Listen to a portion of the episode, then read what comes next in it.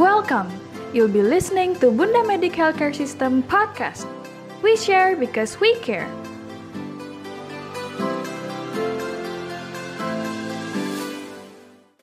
Halo podcast listener, saya Dr. Ivander Utama, spesialis kandungan. Dan saat ini saya akan membawakan topik untuk di podcast kita kali ini tentang jumlah air ketuban. E, banyak sekali pasien-pasien yang pada saat kontrol hamil bertanya soal air ketubannya.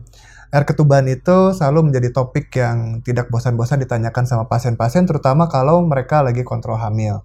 Dan sering kali dijadikan sebagai patokan bahwa kalau ketubannya banyak artinya hamilnya bagus, sedangkan kalau ketubannya sedikit artinya hamilnya kurang bagus atau dedenya tidak sehat. Nah, namun sebetulnya uh, kita harus bahas lebih jauh lagi mengenai air ketuban. Air ketuban diproduksi oleh ibu dan diproduksi oleh bayi sendiri.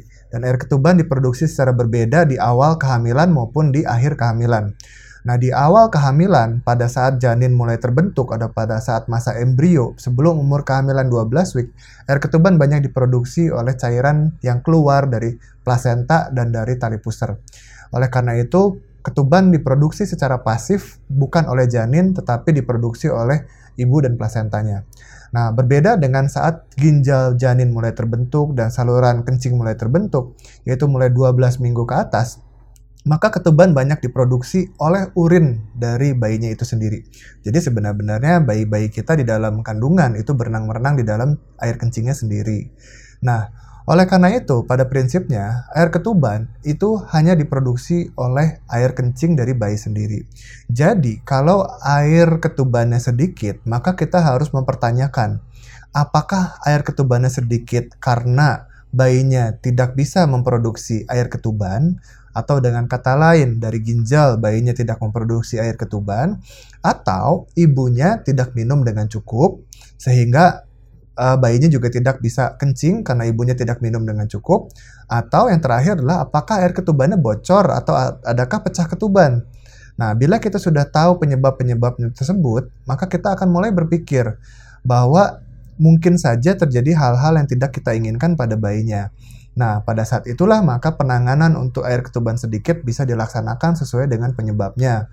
Misalnya, kalau ternyata penyebabnya hanya gara-gara ibunya kurang minum, maka dengan ibunya meningkatkan volume air yang diminum, maka jumlah ketubannya akan jadi bagus. Tetapi bila penyebab ketubannya sedikit adalah karena misalnya uh, ginjal bayinya tidak terbentuk dengan baik, maka hati-hati. Ini mungkin hal yang sifatnya bisa fatal. Kemudian yang terakhir adalah yang lupa, sering kali lupa dilakukan adalah pemeriksaan aliran darah ibu ke bayinya. Atau kita lebih tepat kita kenal sebagai arteri uterina, yaitu suatu pembuluh darah besar yang memperdarahi atau memberi makan e, bayinya. Nah, pembuluh darah tersebut berasal dari ibu dan akan memberi makan ke bayi melalui plasenta. Nah, arteri uterina tentunya harus bisa mengalir dengan baik. Oleh karena itu, wajib untuk diperiksa pada saat setiap kali kontrol hamil. Kemudian yang kita juga harus pikirkan adalah kemungkinan untuk bocor ketubannya. Air ketuban bisa saja bocor ataupun rembes-rembes. Dan itu akan memberikan keluhan uh, seorang ibu sering kali dalemannya atau celana dalamnya selalu basah.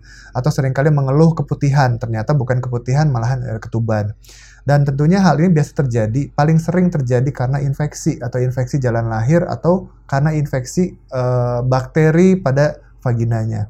Nah, ini harus diobati dengan antibiotik, tidak bisa hanya diobati dengan banyak minum saja. Nah, ceritanya akan lain lagi. Kalau misalnya ternyata dedenya ketubannya banyak banget, atau kalau kita boleh bilang sebagai polihidramnion. Nah, ketuban yang banyak banget sekalipun juga itu bukan artinya dedenya sehat. Berlawanan dengan yang biasa orang bilang bahwa kalau ketubannya banyak maka bayinya sehat, tetapi kalau ketubannya banyak sekali itu artinya mungkin ada masalah. Nah, ketuban yang banyak sekali itu kita harus bedakan menjadi dua. Yaitu ketuban yang banyak sekali karena kasus-kasus yang normal dan ketuban yang banyak sekali karena kasus yang abnormal.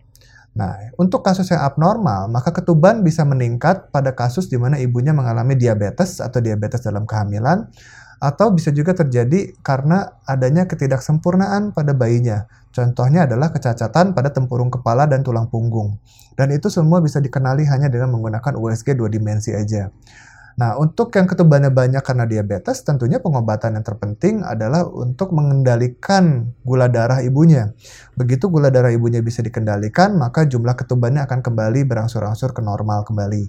Tetapi bila penyebabnya adalah karena ketidaksempurnaan pada bayinya, maka jelas tidak ada penanganan yang efektif. Karena meskipun air ketubannya dikeluarkan sedikit demi sedikit, namun tetap pasti akan diproduksi kembali.